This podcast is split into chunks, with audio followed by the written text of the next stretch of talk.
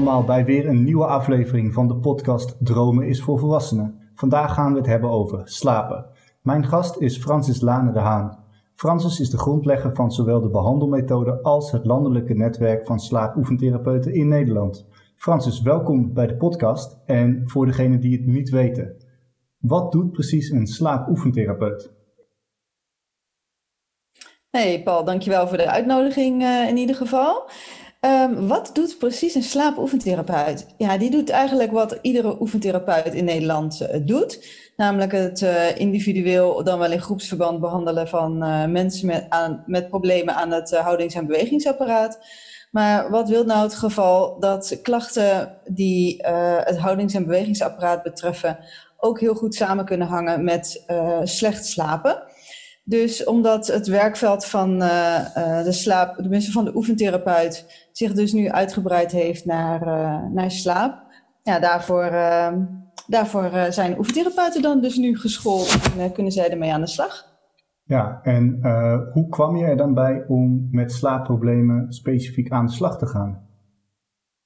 Ja, dat is eigenlijk een beetje in mijn wortels. Dus uh, ik ben al uh, 25 jaar bezig in mijn uh, oefentherapiepraktijk met slaapproblemen. Ingegeven door diafragma-insufficiëntie patiënten, dus mensen die het zuur terugvoelen stromen. En ja, daar heb je natuurlijk meestal last van als je plat gaat liggen. dus ja, zo is het eigenlijk het zaadje in de grond gestoken. En dat is ontkiemd in mijn brein, omdat ik dacht, hé, hey, wat heeft slapen eigenlijk in brede zin met ons vak te maken? Um, dus ja, daar ben ik. Toen waren er nog geen scholingen, dus toen ben ik zelf heel veel boeken gaan lezen en uh, met uh, artsen gaan praten. Maar dat heeft zich wel uh, voortgezet in uiteindelijk het volgen van scholingen en het doen van onderzoek. En ja, dat heeft mij dus aangezet tot het scholen van beroepsgenoten. Want ja, ik kan dat wel weten en willen en het nut ervan inzien. Maar als ik alle mensen in Nederland uh, naar mijn praktijk zie komen, word ik daar niet heel blij van eigenlijk. Dan krijg ik het veel te druk. Dus uh, nu zijn er gewoon 700 collega's uh, geschoold ondertussen. Ja, en ik zei het net al, het is inmiddels een landelijk netwerk natuurlijk. Maar ik kan me voorstellen dat van de een op de andere dag zo'n netwerk niet is opgebouwd. Um, je zei net, ik, ja, het, het, zaadje dat kwam, werd eigenlijk gekiemd bij mezelf. En dat is op een gegeven moment ontkiemd. Hoe lang is er overheen gegaan? Um, nou, like, ik werkte er zelf al wel mee. En toen was dat zaadje ja, misschien al wel latent, maar toen voelde ik hem nog niet echt.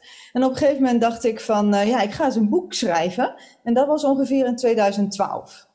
En toen heb ik er uh, ruim de tijd voor genomen om dat boek te schrijven. En toen besefte ik eigenlijk dat met alleen maar dat boek uh, er nog niet voldoende slaapzorg uh, zou ontstaan in de eerste lijn. En toen is in januari 2014 uh, de eerste scholing gelanceerd. Dus ik heb het boek geschreven, daarna een scholing gemaakt, accreditatie daarvoor geregeld. En in ja, januari 2014 is die gelanceerd. En toen werden de eerste tien oefentherapeuten geschoold. En dat is natuurlijk tot aan nu, dat is nog zes jaar verder tot aan nu is dat al maar aan het doorrollen en zo ontstaat dan zo'n netwerk. Ja, en uh, nou ja, je zei het al, je bent zes, zes en een half jaar dan bezig eigenlijk sinds de scholing. Twee jaar daarvoor is het boek uh, uitgekomen. Het proces daarvoor, want je, op een gegeven moment kom je dus tot het idee om een boek te gaan schrijven. Was voor jou dat idee ontstaan omdat je ergens het gevoel had dat er een, een kans lag in uh, ja, eigenlijk het bieden van betere zorg aan de mensen? Ja, het lag er eigenlijk aan dat ik dacht dat er heel veel te vertellen is op het gebied van slaap en dat het zo onderbelicht is. Je kon er nog steeds ook in 2012 eh, en iets daarvoor zo weinig over vinden. En, ja, en ik wist de relevantie daarvan, dat voelde ik in elke gen in mijn lijf. Dus toen dacht ik, er moet gewoon eigenlijk veel meer bekendheid komen over de invloeden van slecht slapen, wat je ermee kan. Dat het helemaal niet iets is om jaren mee door te lopen, maar dat je er gewoon werk van kunt maken en dan beter kan slapen. Dus um, ja, op die manier is die aanloop geweest richting het boek. Ja, en uh, nou ja, daarin, je gaf het eigenlijk al aan net in, na, uh, of in het antwoord van de eerste vraag. Het is echt specifiek voor oefentherapeuten. Wilde jij dan ook altijd oefentherapeut worden? Um, Nou ja, eigenlijk wel. Ik was in eerste instantie uh, uitgeloot of uh, niet uh, goedgekeurd tot de opleiding, want ik was veel te actief en men dacht dat ik misschien niet zo goed kon luisteren. Ehm, dus werd ik niet in eerste instantie aangenomen. Dus zou ik naar de opleiding tot orthoptiste gaan. Ook op zich heel leuk zorgberoep. Maar op een later moment werd ik toch gecontacteerd en gezegd van je mag wel meedoen. Dus toen ben ik inderdaad ja, mijn, mijn droom gaan volgen richting de oefentherapie. Wat wel mijn eerste keuze was. Dus op die manier heel lang geleden, ergens in, wat was dat? Wanneer begon ik aan de opleiding? In 1986. Oh jeetje, even voor de luisteraars, toen was ik nog niet geboren. Dus nou, dan weten jullie dat mijn gast op dit moment een zeer ervaren therapeut is daarin. Um, maar het kiezen voor het vak oefentherapeut, dat hoor je niet heel vaak.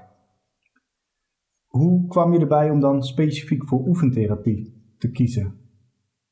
Nou ja, dat kan ik ook uitleggen in het daglicht van dat orthopsie. Het orthop orthoptisten die um, zijn met ogen bezig en werken samen met een uh, oogarts bijvoorbeeld.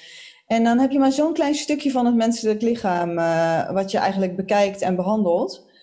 Uh, en terwijl oefentherapeuten, Cesar mensen die bekijken echt van kruin tot met grote teen uh, naar de mens in zijn context met alle facetten. Dus uh, bio, psychosociaal wordt altijd naar iedere klacht gekeken.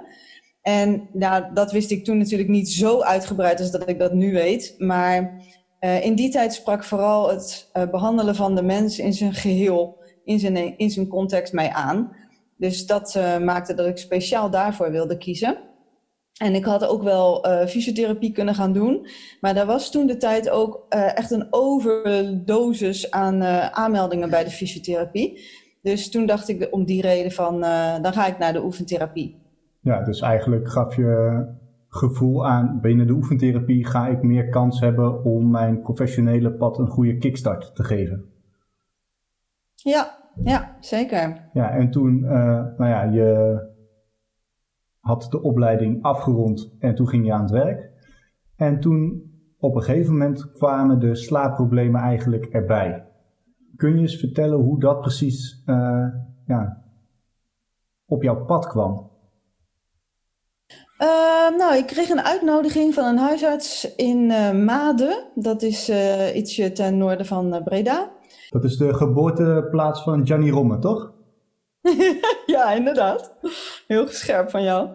En die, die, uitnodiging betrof dat we samen eens een protocol zouden gaan maken voor die diafragma-insufficiëntie. Omdat er heel veel medicinale middelen worden, worden voorgeschreven. Maar die arts die wist dat er gedragsmatig en qua houding en beweging ook mooie resultaten mee geboekt zouden kunnen worden. Dus toen zijn we om de tafel gaan zitten. En uh, ja, meer en meer werd mij eigenlijk duidelijk dat mensen die die klachten hebben, dus een bepaald type mens zijn, maar ook heel vaak uh, uh, ja, problemen hebben, pijn hebben in hun slokdarm of het idee hebben dat ze hartklachten hebben op het moment dat ze in bed gaan liggen. Dus doordat ik veel van dat soort verwijzingen ging krijgen in die tijd, kreeg ik ook heel veel mensen met inslaapproblemen. Dus op die manier is eigenlijk de slaap al in een heel vroeg stadium uh, in mijn werk gekomen. Ja, en dan herken je eigenlijk daarin bepaalde uh, patronen van het inslapen, het doorslapen, uh, die breder zijn dan alleen die diafragma-insufficiëntie. Maar ja, je zei het net al, om al die patiënten bij jou zelf op de praktijk te krijgen, dat wordt te druk. Dus op een gegeven moment heb je de stap genomen om daarin het boek te schrijven en die scholing op te starten. Wat heb je verder allemaal gedaan om uiteindelijk dat landelijke netwerk uh, op te bouwen en uit te breiden? Ja, dat is natuurlijk een software stukje, zodat we goed vindbaar zijn en het ook echt betrouwbaar is als je de dingen erover leest. Ehm, het is natuurlijk de cursistenscholen, zorgen dat we kwaliteit waarborgen. Dus daarvoor moet er ook weer uh, bijvoorbeeld webinars of uh, congressen of uh, symposia of nou, noem maar op, allerlei kwaliteitswaarborging plaatsvinden. Ehm, en daarbij doen de geschoolde oefentherapeuten zelf de bottom-up bekendheid. Dus zij zorgen dat het netwerk uh, zijn vorm krijgt en vorm houdt door in hun eigen regio te vertellen over de slaapoefentherapie. En ik doe dat meer top-down.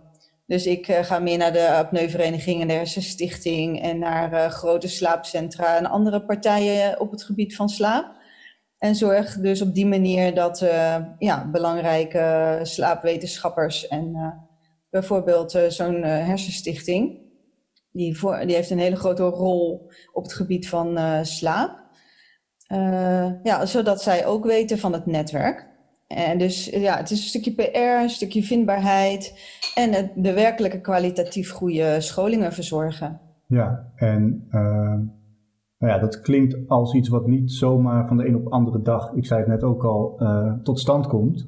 Maar wat mij vooral fascineert is dat je, je geeft het al aan, top-down, dus jij gaat in gesprek met artsen, met landelijke verenigingen en stichtingen.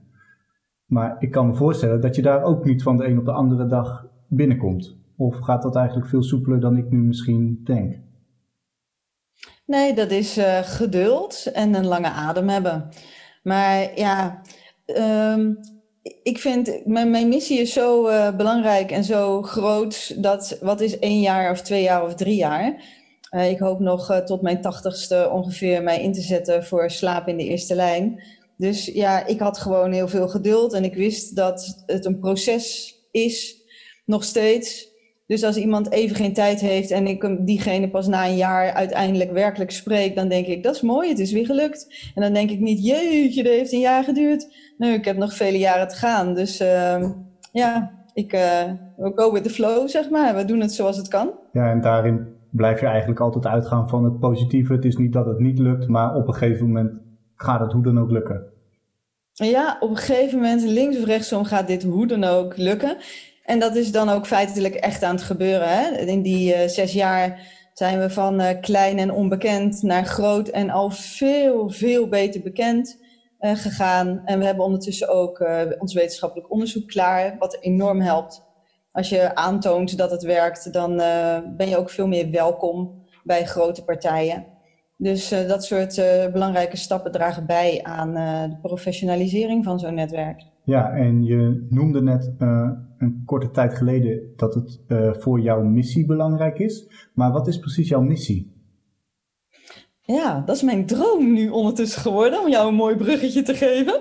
Uh, mijn missie is dat slaap zichtbaar en echt erkend wordt in de eerste lijns gezondheidszorg. Waardoor ja, het licht, lichte klachten zeg maar, ook licht worden behandeld en zware klachten zwaar worden behandeld. En dat is natuurlijk mooi in lijn met de zinnige zuinige zorg of stepped care, hoe je het wil zeggen. Um, want heel veel slaapproblemen uh, kunnen gewoon prima door oefentherapeuten Cesar Mensendiek of slaappsychologen of de POH GGZ uh, in de eerste lijn worden gezien. En dat is veel goedkoper en zeker zo efficiënt dan uh, zwaarder kaliber behandelingen die ja, in de jaren hiervoor gebruikelijk waren om in te zetten. Maar dat was ook bij gebrek aan voldoende dekking in Nederland om, uh, om naar anderen te verwijzen. Hm. Dus ja, er mag een, uh, een transitie plaatsvinden tussen uh, de gangbare manier van verwijzen en behandelen naar momenteel de nieuwe manier van verwijzen en behandelen. En dat is gewoon veel meer in de eerste lijn gelegen. En dat is echt mijn missie, dat dat ook echt gebeurt, dat dat omarmd wordt en dat er dus op die manier ook zorgkosten kunnen worden bespaard. Wat bedoelde je dan precies met die zware behandelmethode? Uh, nou, bijvoorbeeld een uh, polysomnografisch onderzoek. Dat uh, is een uh, gouden standaard methode om slaap te meten. En dat wordt veel ingezet. En dat is ook heel terecht, want dat is een, een mooie feitelijke meting op een heleboel vlakken. Uh, maar het is niet altijd nodig om dat in te zetten bij uh, bijvoorbeeld lichte insomnieklachten, dus uh, slapeloosheid. En als je dat wel doet, is dat natuurlijk zonde van de kosten. Of er worden dingen dubbel gedaan. Dat een huisarts een vragenlijst afneemt en het slaapcentrum bijvoorbeeld hetzelfde vragenlijst afneemt. En stel dat in de eerste lijn vervolgens weer dezelfde vragenlijst wordt afgenomen. Ja, dat is allemaal heel, heel zonde. En zo zwaar hoeft dat dan niet. Dus wanneer één persoon één adequate behandeling uh, in mag zetten, dan is dat heel erg uh, efficiënt en daarmee dus ook kosteffectief. Ja, precies. En nou, je zei het al, inmiddels een uh, landelijk netwerk wat veel meer kansen biedt voor niet alleen het netwerk van slaaptherapeuten of slaapoefentherapeuten moet ik zeggen. Of om volledig te zijn, slaapoefentherapeuten Cesar en Mensendiek. Ja. Um, ja. Maar ook voor zowel de verwijzers, dus de huisartsen, longartsen, neurologen, KNO-artsen heb je natuurlijk ook nog daarbij. Maar ook gewoon de patiënten zelf, de mensen van Nederland. Um, nu is het zo, ik ben ook oefentherapeut en slaaptherapeut, dus daar kennen wij elkaar van. Um, dat ik weet dat je geen verwijzing meer nodig hebt. Wat zou nou om, stel een van mijn luisteraars die heeft een slaapprobleem. Wat is nou de, ja, de, wanneer ga je naar een slaaptherapeut toe?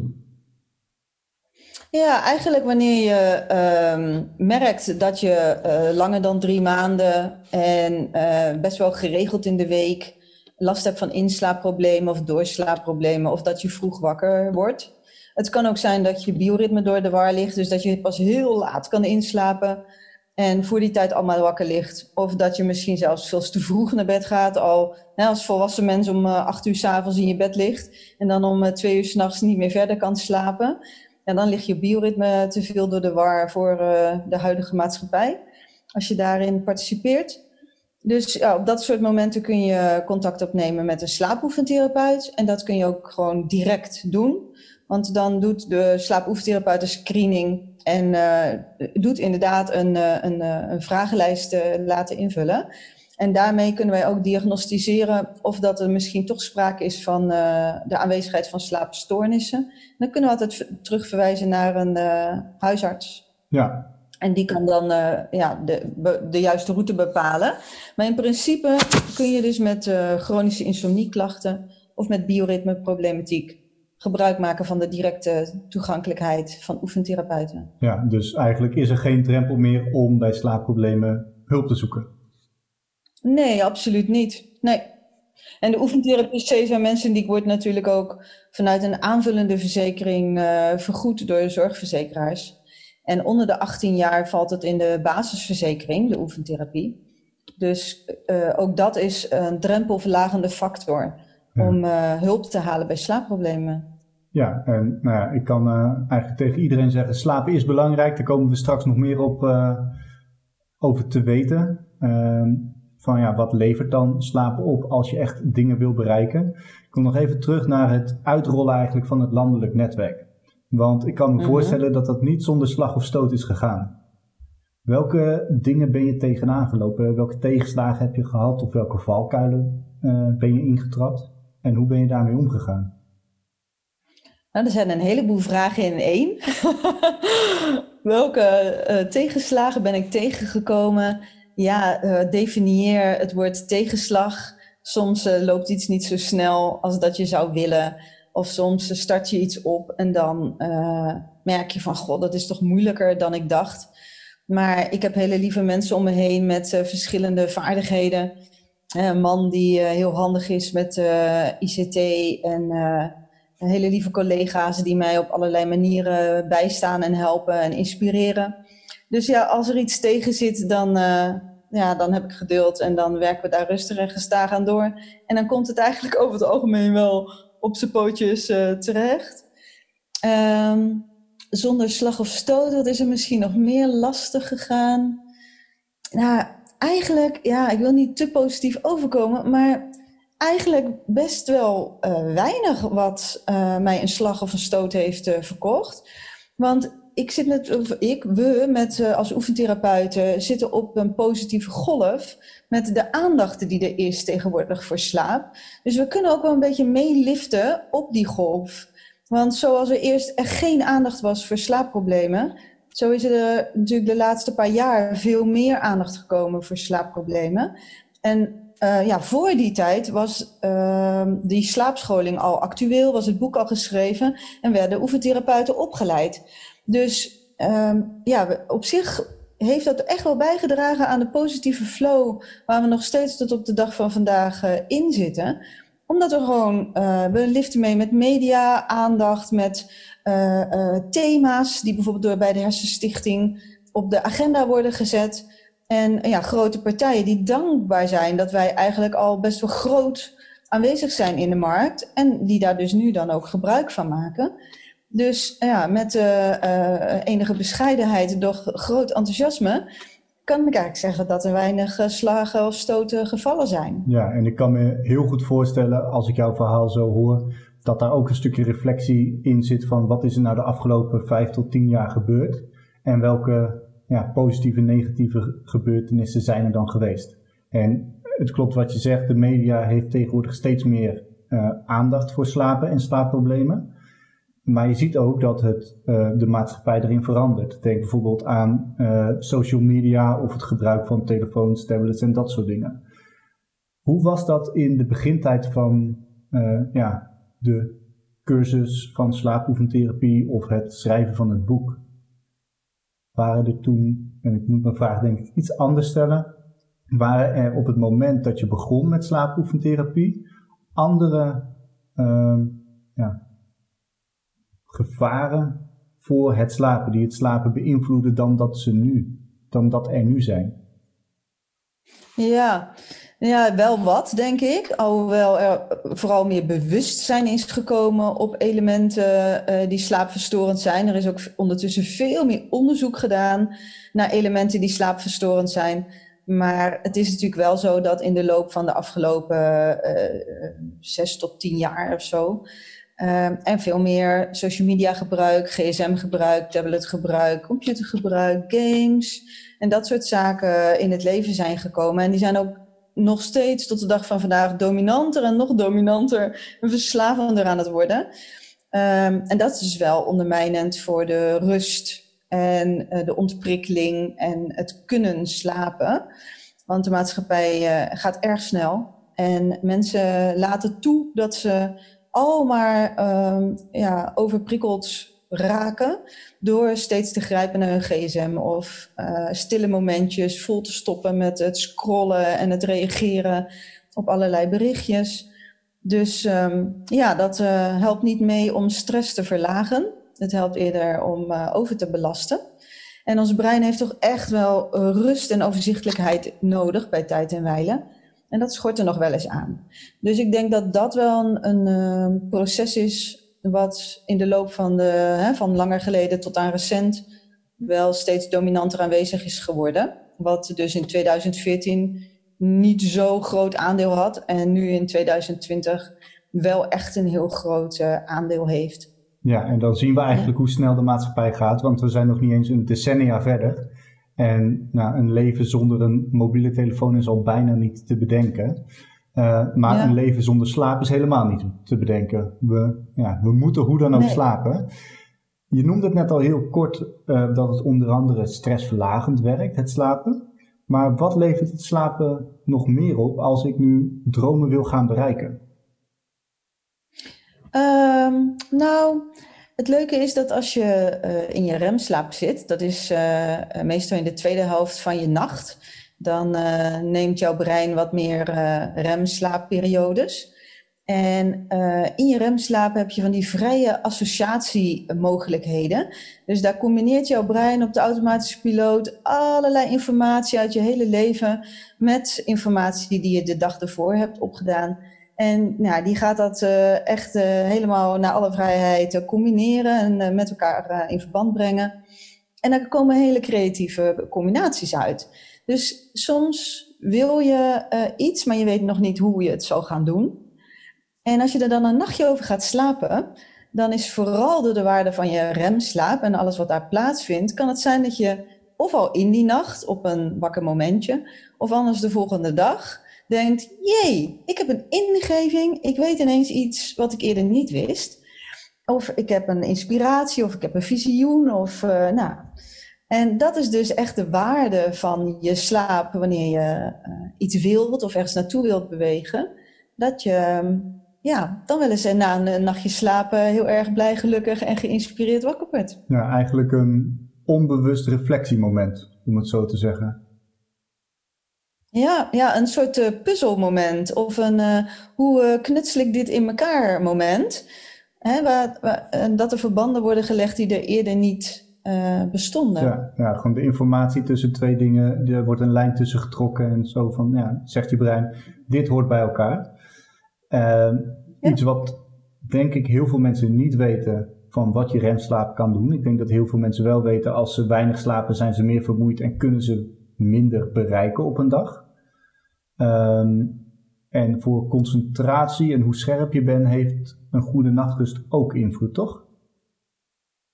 Ja, ja, ja, het werkt eigenlijk op al je fysieke processen en al je mentale processen. Dus slaap laat, niet, laat niets onvermoeid of ongemoeid. Um, dus ja, eigenlijk zou je nu een enorme lijst kunnen gaan opnoemen. En uh, als je dan aan mij vraagt, staat er een uh, verband met slapen? Dan hoef ik alleen maar ja te zeggen heel de tijd. Ja, dan wordt het een saai interview. Maar er is bijna niets wat niet met slaap in verband staat. En wat is dan, denk je, op dit moment het grootste gevaar voor mensen met slaapproblemen ten aanzien van het uh, slapen zelf? Is dat bijvoorbeeld dat het slapen niet belangrijk genoeg gemaakt wordt?